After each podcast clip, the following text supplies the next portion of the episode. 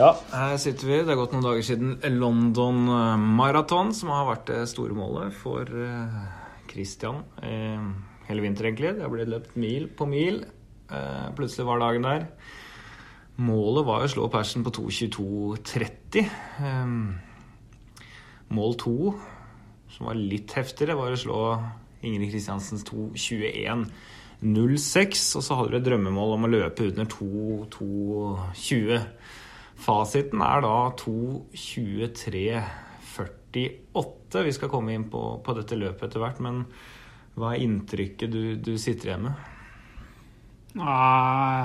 Først og fremst en utrolig opplevelse å løpe i London. Nå har jeg jo løpt én gang i Frankfurt og fire ganger i Berlin, og det løpet i London sånn publikumsmessig og sånn oppslutning, det var liksom et nivå opp. Det var, ja, det var fantastisk å egentlig få lov å være med der. Så eh, for alle andre som vurderer en vårmaraton, så er jo kanskje litt vanskelig å få plass i London, men det er virkelig verdt det.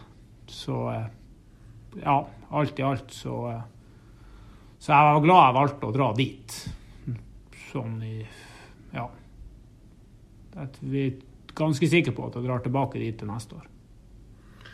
Snakker jeg litt bort fra temaet, men det var et fantastisk løp. Det var eh, utrolig mye folk. Jeg selv hadde glemt hvor mye folk det var i, i London. Kan komme litt tilbake til det òg, men det var folkefest av, av dimensjoner. Men uh, du driver jo ikke med dette for at folk skal heie på deg. Og, og, og tiden og fasiten, hva, hva sier du om det?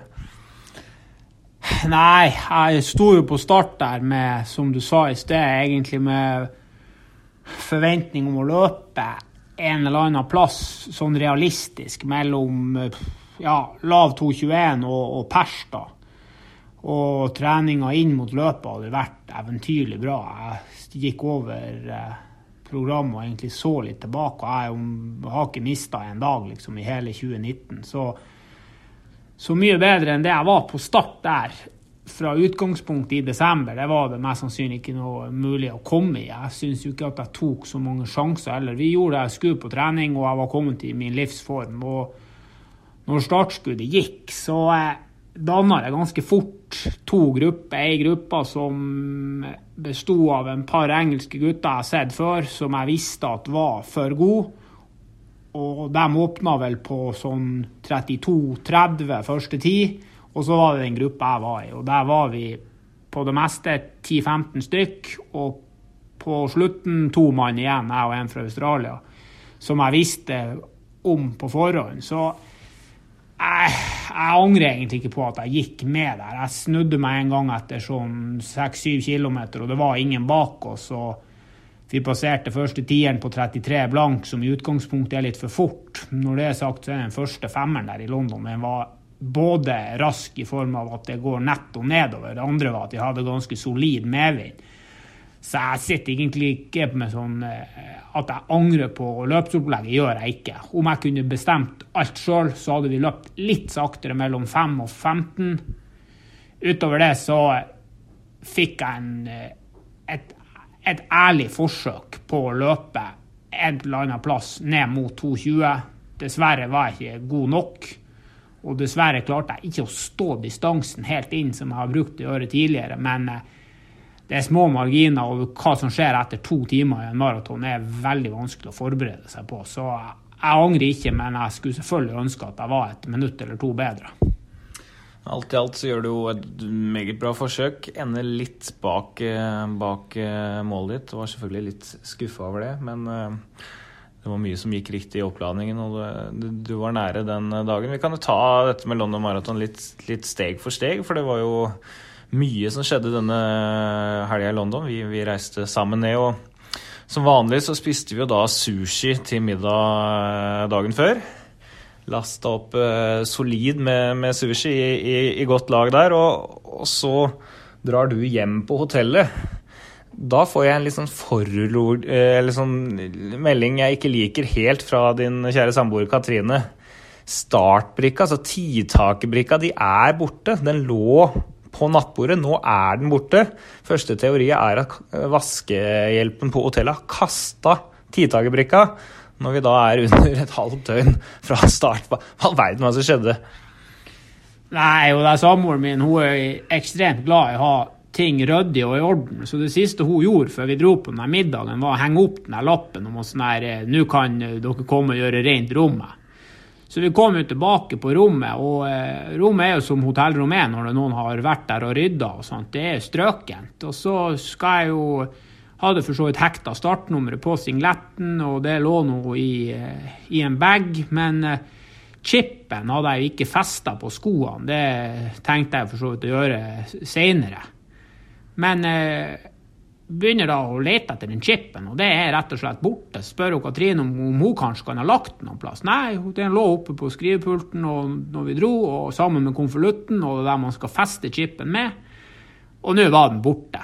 Så jeg var jo sånn Jeg skal ikke si jeg var panisk, men jeg var i hvert fall eh, forbanna. Så gikk ned i resepsjonen der og spurte han der fyren som jobba her, eh, om de hadde en plass de kasta alt som de her housekeeperne hadde rydda.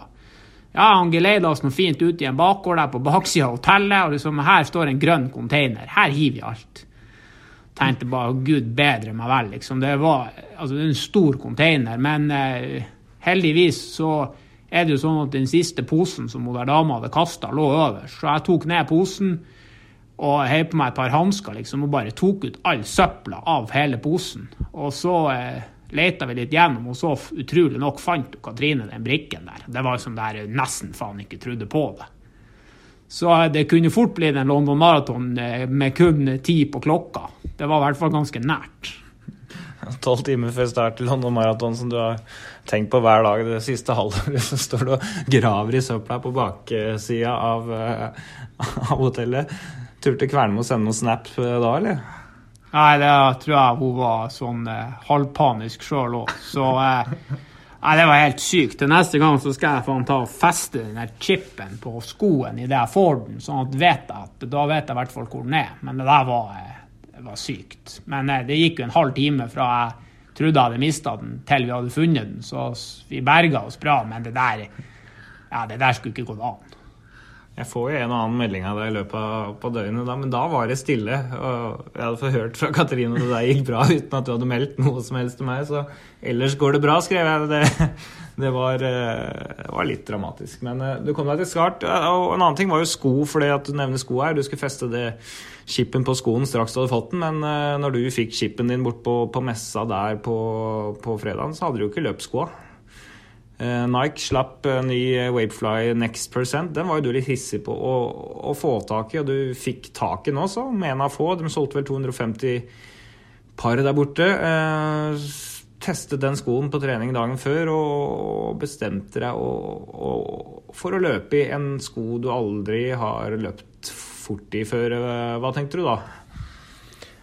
Nei, først så fikk jeg jo tak i skoen litt for at man er frekk og litt for at man er kreativ. Og så hadde jeg selvfølgelig litt flaks òg, for det der skobestillinga var jo sånn helt random med folk som henta ut sko. Så jeg sa bare navnet til agenten til Hans Sondre Moen, og så fikk jeg beskjed om at jeg måtte vente litt, og så tror jeg rett og slett de bare hadde en del sko til over. Så jeg fikk den skoen på fredag, og så solgte de jo 200 par på lørdag, så sånn sett så ville jo kanskje alle få tak i den skoen når jeg først hadde fått tak i den skoen, så var jeg jo egentlig Planen var å springe i de skoene man har trent med. altså Det er jo nesten pri én når du skal springe maraton. Det er å sørge for å trene i de skoene du skal springe i. Men på den turen på lørdagen, så de skoene føltes omtrent like som de andre skoene. Et snev stivere. Så jeg tenkte egentlig bare at uh, når jeg først har fått tak i skoene og de føles såpass bra, så gir jeg dem en sjanse.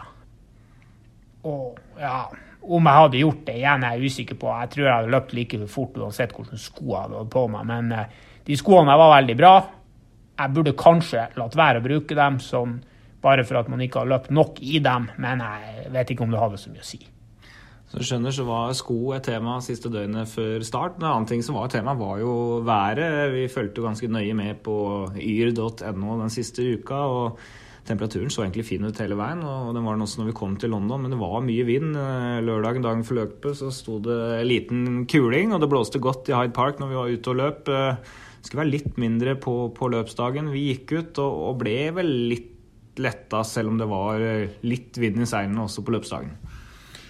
Ja, altså det var jo mye vind, som du sier, på lørdag. Når vi var sprang der i Hyde Park, så var det jo faktisk litt sånn eh, Jeg skal ikke si sånn sånn utrivelig Nord-Norge-vær, men sånn 10-15 sekundmeter og litt lett regn. Og det er klart, på søndagen Det blåste jo da òg, men det var på en måte en god del mindre enn på lørdag. Og der borte, der starten går, så er jo et stort, åpent område. Der syns jeg jo ikke det var så mye vind. men når løpet starter, så springer du nesten samme retning første fem kilometerne. Og det er jo ofte sånn at når det er vind ute og du ikke kjenner vind, da har du medvind.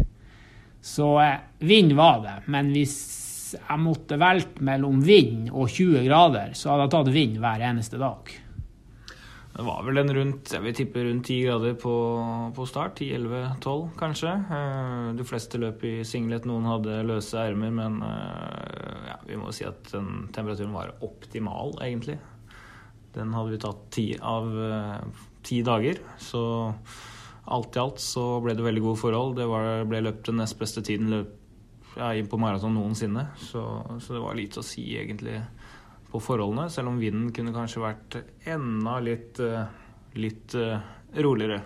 En annen ting som bekymra litt på forhånd, var jo startposisjon. For det er sånn i London at de behandler eh, utlendinger som bare melder seg på, ikke så bra som briter. De får sin egen gruppe rett bak eliten. Du skulle egentlig stå bak nærmere 2000 utøvere på start. Det er jo ikke så heldig når man skal løpe en tid i nærheten av 2.20, så da var det bare én ting å gjøre.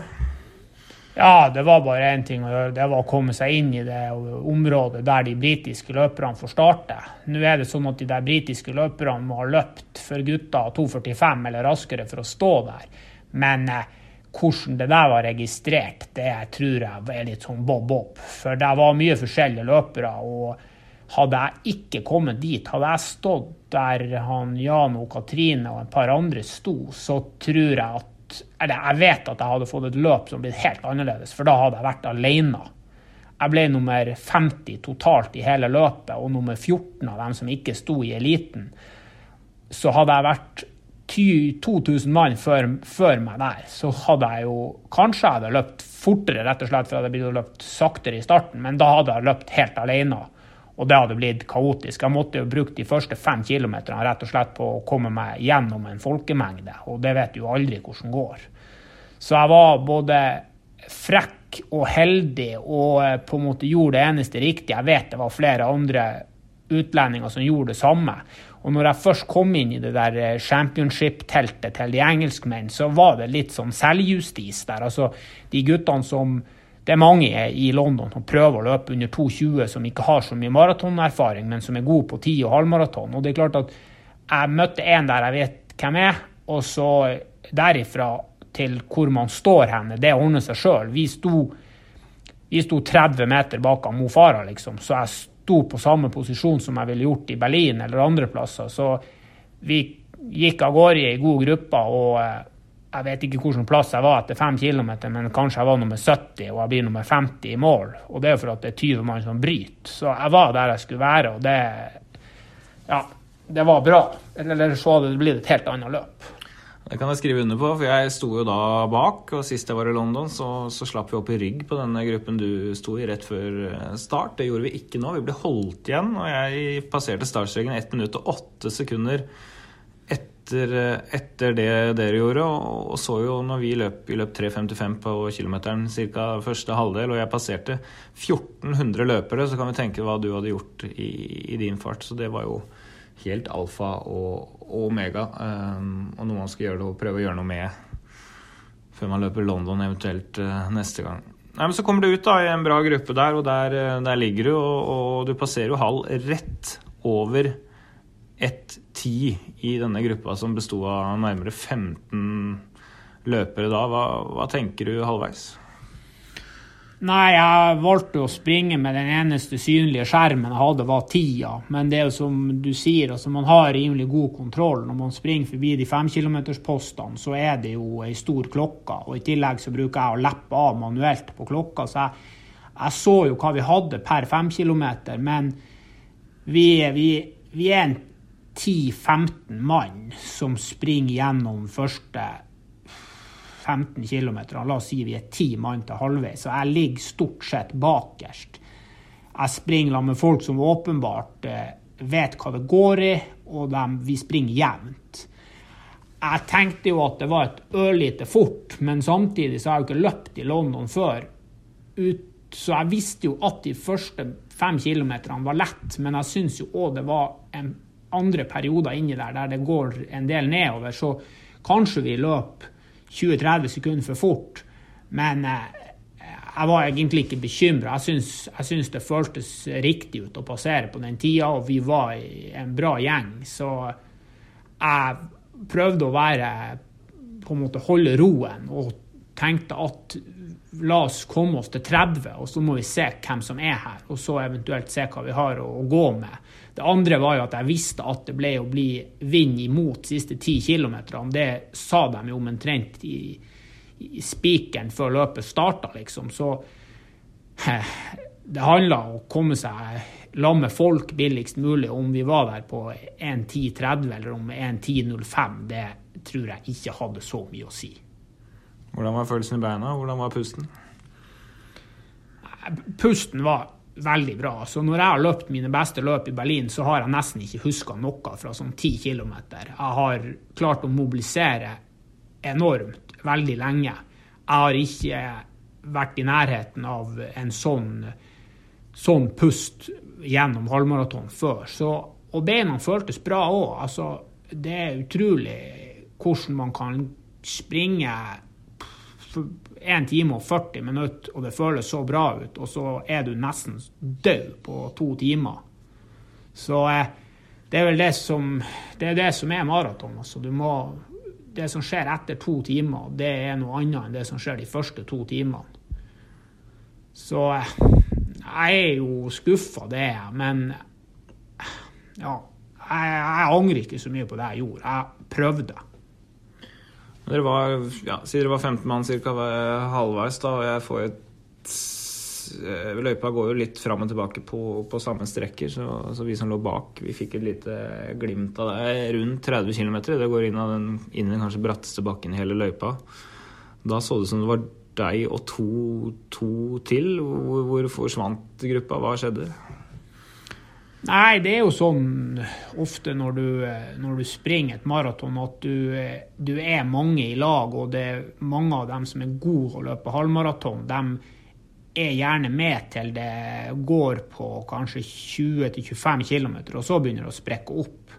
Og det skjedde her òg. På 30 så var vi som sagt tre mann, og på 35 var det kun jeg og en fra Australia en som er par og 40 år, som har løpt mange maraton rundt om, ganske kjent kar. og Jeg visste hvem han var før løpet òg. Det er klart det er sånne folk du ønsker å være sammen med. Han eh, har løpt 2,19 og har springer mye. Sånn, jeg, jeg følte jeg var der jeg skulle være.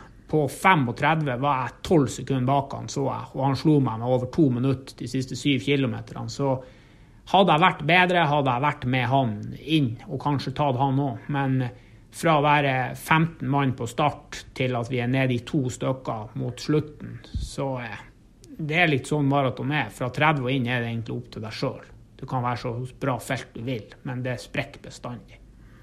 Vi som har sett splittene dine, de ser at du løper rundt 3,20 på kilometeren fram til, frem til ja, 33, egentlig. Og så går det litt opp til 35, og så begynner det å røyne litt på. Når, når, skjønte du at du ikke skulle klare å holde åpningsfarten inn? På 33 slapp jeg jo han fra Australia. David Krenichi eller noe sånt. Så det er klart at når du først slipper og du er alene Altså, jeg springer jo på sånn pluss-minus 340 til 345 fart fra 35 til mål, og jeg blir tatt igjen av én person. Det sier litt om hvor mange andre også som er på smell og, og har det tungt. Så jeg skjønte jo der og da at jeg ble å få det tungt, men jeg var ganske sikker på at jeg ble å løpe en del fortere enn persen min på 35. Og når vi var på 40 km, var jeg fem sekunder foran persen, og jeg havna liksom 1.10-1.15 bak pers i mål. Så det er klart det røyna ekstremt på. Og eh, ja, jeg fikk, eh, fikk mer eh, smake på, på maratondistansen nå enn jeg har fått de, de, tidligere årene i Berlin. Så det var, det var, tøft på slutten. her. Jeg husker ikke så veldig mye fra to timer og inn. Ja, hva var det som stoppa deg? Var det følte det var kapasitet? Var det beina som var banka opp? Hadde du nok næring, eller hva, hva følte du? Nei, For å være helt ærlig så tror jeg det der først og fremst handler om at man går tom, næringstom. Jeg tror at det var tre gelstasjoner fra arrangøren. Det var en haug med drikkepost. Jeg hadde to egne drikkeflasker. Men eh, man er rett og slett for dårlig til å drikke nok når man drikker. Altså man, må, man må lære seg å ta litt bedre tid når du først får flaska, og så må man drikke mye tidlig. Og det må, eh, det må man bare ta inn over seg, for det er avgjørende mot slutten. Du kan ikke gå tom. Hvordan var det, var det å komme og, og, løpe langs embankment? Eh, du ser opp mot Big Ben, som de driver og pusser litt på om dagen, og, og løpe mot Buckingham Palace når, når det rakna såpass som de gjorde på de siste kilometerne? Nei, altså, jeg husker så lite av det siste. Det er klart at den strekka på slutten der går det an å springe ufattelig fort, for der er det rett frem, det som å løpe i Berlin. Det er rett frem på en hovedvei. Denne gangen var jeg litt uheldig med vindretninga, men det er fra 3-35 og inn, så er det nesten ikke en eneste sving utenom de siste 400 meterne. Så det er skuffende at man ikke klarer å mobilisere mer der. Men når du, for min del, jeg skulle nesten ikke klare å løfte knærne. Altså. Jeg har sett et par bilder der helt på slutten, og det er liksom du Ja. Det, det er en mann som har det tungt, og som sliter. Hvordan var det å krysse mål?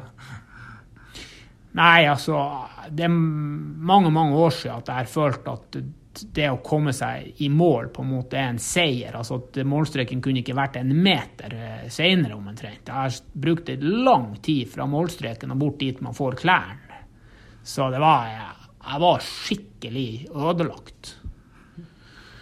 Men eh, opplevelsen eh, tar jeg med meg. Så det er, kanskje det er det som skal til for å knekke 22 til høsten. Ja, Vi kom jo til mål litt seinere. Da hadde du i hvert fall fått skifta. Jeg ser et litt sånn skuffa tryne som henger og nærmest ikke orker å løfte seg fra fortauskanten der. Men jeg syns jo det er interessant at en tidligere pokerproff som jobber for fullt her og, og surrer på, skal være misfornøyd med å løpe 2,23 på maraton. Da må du ha kommet en liten vei, tenker jeg. Du var veldig skuffa der og da. Du, du tok det med deg noen noen timer utover kvelden, men eh, er det litt lysere nå? Ja, altså Det er jo sånn med mange ting i livet at eh, ettersom du blir bedre, så omgås du ofte med bedre folk. Og jeg passerte 30 km på 1.39,40, så løp tre tiere på rad på 33,13. Normal form for min del etter en eh, litt dårlig vinter i Nord-Norge, det er 33,30 på sentrumsløpet i april. Så hvis jeg klarer å sørge for at jeg er skadefri og får trent sånn som jeg har gjort tidligere gjennom sommeren, så skal det gå an å løpe fort til høsten.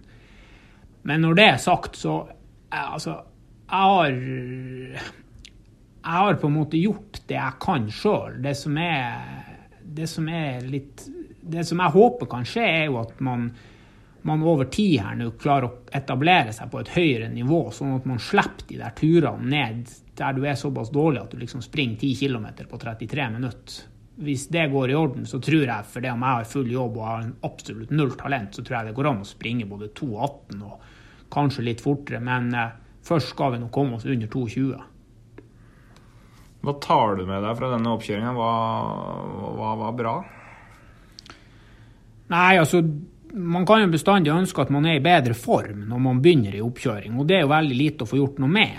Denne gangen så begynte vi sånn, si noe i årsskiftet, og det er klart at jeg hadde fire-fem gode uker, løp rett under ja, 1.08,50 i Barcelona på et, på et, helt optimalt løp i 100 forhold, der jeg liksom fikk sprunget fort mot slutten òg. Det var det jeg var god for i februar.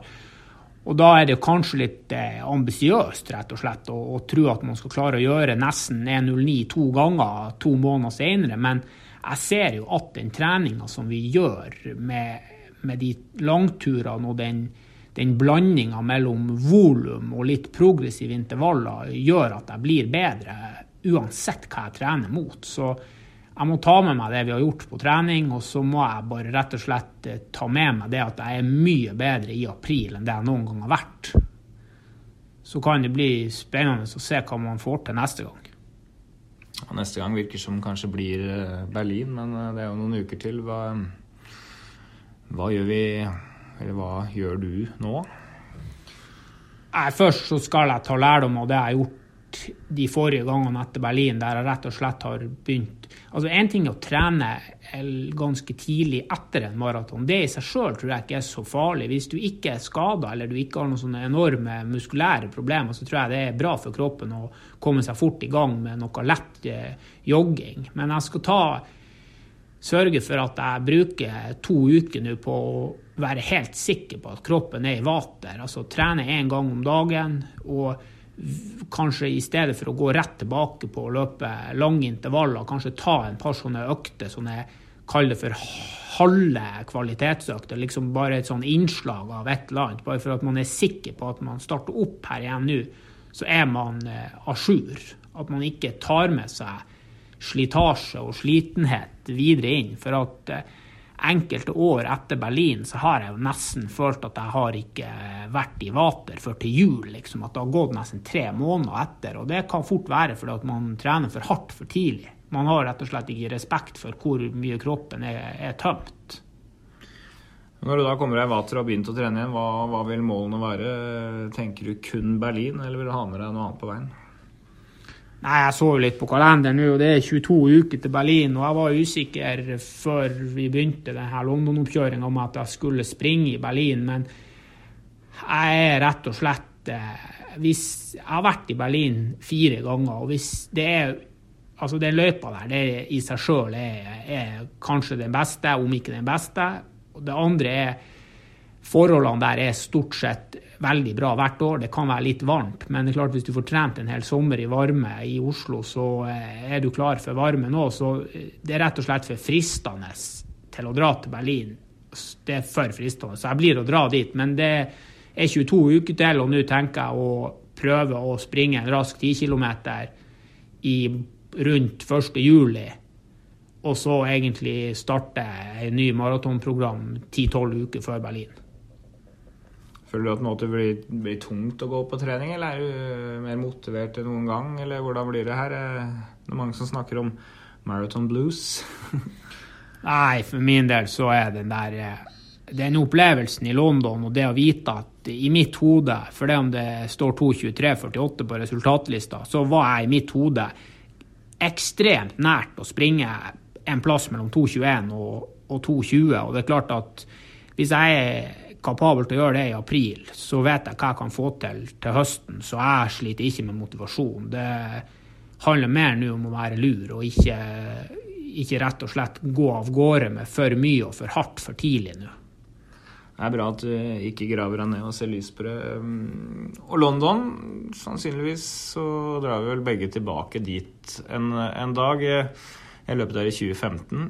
Eh, da sprakk jeg litt, litt, litt sånn som du gjorde den gangen her, egentlig. At jeg løp et par-tre par, par, minutter saktere siste halvdel. Var nok litt i min egen verden og fikk ikke med meg alt som skjedde rundt. Men den gangen her så løp jeg med overskudd og, og fikk med meg veldig mye. Det var jo et fantastisk folkeliv, altså. Det var jo det var rett og slett umulig å finne seg et sted å, å, pisse underveis. For det var folk overalt. Og det var ikke bare én annen som hang langs gjerdet. Det var fem, seks, sju i bredden. Og den løypa er jo en gang 42 195 meter eh, lang. Jeg, jeg syns det var formidabelt på høyde med ja, New York. Kanskje bedre òg.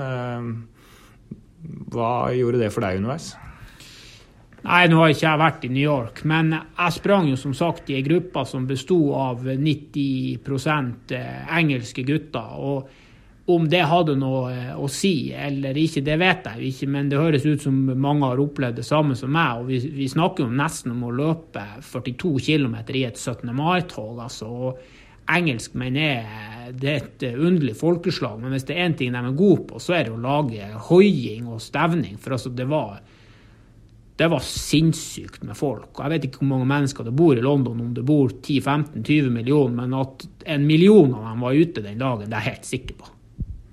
Ja, det var et eventyr, rett og slett. Så, så får du sjansen en gang, og, og syns det er moro å løpe maraton, så er det absolutt et sted å oppsøke. Det kan, kan være litt vanskelig å komme. 10% av de som melder seg på trekning, får vel plass. Eh, hvis man er medlem av britisk klubb, så kan man uh, kvalifisere seg på, på tid. Eller så er man avhengig av å betale en reiseoperatør, som, som vi gjorde denne gangen. Og det, det fungerte bra. Det, det, koster noen kroner, men vi fikk iallfall startplass.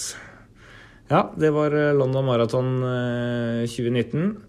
Uh, vi gir oss ikke. Du gir deg ikke. Får vi se hva resten av sesongen bringer. Du får trene så godt du kan, så får vi se om det smeller inn 2.19 neste gang.